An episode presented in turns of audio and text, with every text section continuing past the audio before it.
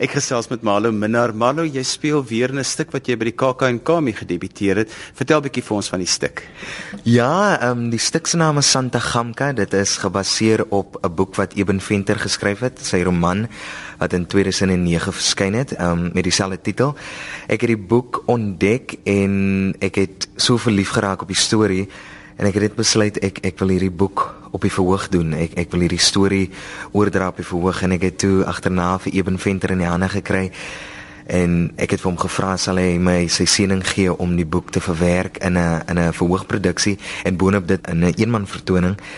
En hy het toe my vir my die sieninge gegee en hy het net gesê, weet jy wat, doen dit. Ehm um, hy hy sien nog as uit. Hy's baie excited om dit te doen. So ja, en toe ek dit nou gedebatteer by KAKNK en ook Suid-Oosterfees en dat ek dit nou weer by die backs te doen.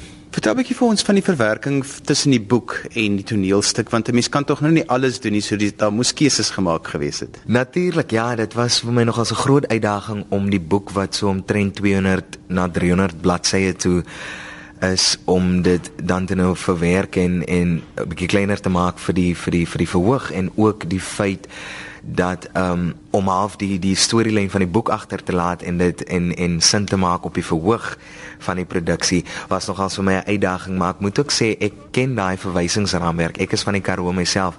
Ek is daar van die van die sowerige strate van Oudtshoorn.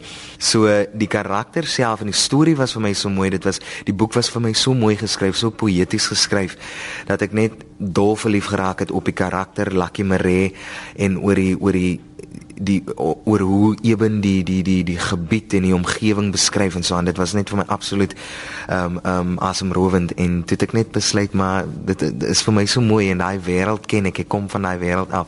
So dit was vir my lekker om om toe nou daai storie op die ou ene van die dag te vertel. Vertel 'n bietjie vir ons van die uitdagings van hierdie stuk want um, om 'n eenman stuk te doen van 'n hele boek is nog 'n uitdaging op sigself. Kyk, ehm um, dit dit raak nooit moeilik. Dit is nou al my derde eenmans vertoning wat ek nou doen. Ehm um, hierdie keer rond is dit is nogals baie ingewikkeld want die van die storie is half of die produksie is half baie hy grens baie aan physical theater ehm um, ehm um, half so Ja, en ek moet sê Jaco Bouwer wat die regisseur is, het is absoluut geniaal. Ek ek beskou hom net as Suid-Afrika se beste teaterregisseur in my oë. En wat hy reg gekry het met hierdie produksie is wonderlik. Um, um ek meen jy natuurlik daai uitdagings van hoe gaan jy te werk met hierdie hoofkarakter wat jy het en wat um interact met hierdie met met so baie ander karakters. En toe het ons net op die ou ene van die dag besluit maar weet jy wat? Ons ons moet dit maar maak werk as ons stylisties om moet gaan met dit. So be it you know? En um en ook met die spasie wat ons gehad het en natuurlik hierdie die die storie van Lucky Mare speel dan nou af in hierdie Potterbakkers oond wat hy homself in bevind. Hoe doen jy dit? Hoe kry jy potterbakkers oond op die verhoog? was die vraag.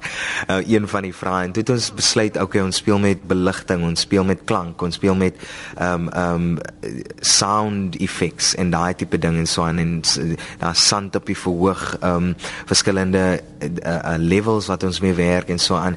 En dan um is die is die oond wat ons dan nou het op die verhoog dalk half nou suggestief van van hierdie van hierdie of die ligte suggestief van hierdie oond en so aan. Ek en Jaco het vir die eerste keer saamgewerk op Balbesit 'n produksie wat hy gedoen het wat geskryf was deur Sarkie Botha.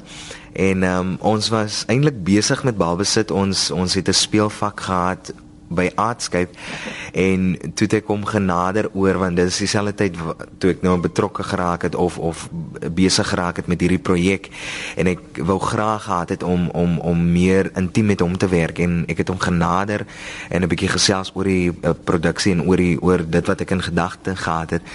En hy het net vir my gesê wel stuur vir my die teks um, hy sal 'n bietjie dan dit lees En toe het hy die boek gelees ook, hy het agterna die boek gekry en toe sê hy net vir my luister maar kom ons doen dit. Hy is baie opgewonde daaroor. Dis 'n baie mooi storie. Ehm um, ons weet nou nog nie hoe ons dit kan maak werk nie, maar ons ons sal maar saam sit en uh iets daar omtrent uitkry en so aan en so the rest is history like they say. dit wat op die verhoog gebeur is nie maklike kykstof nie.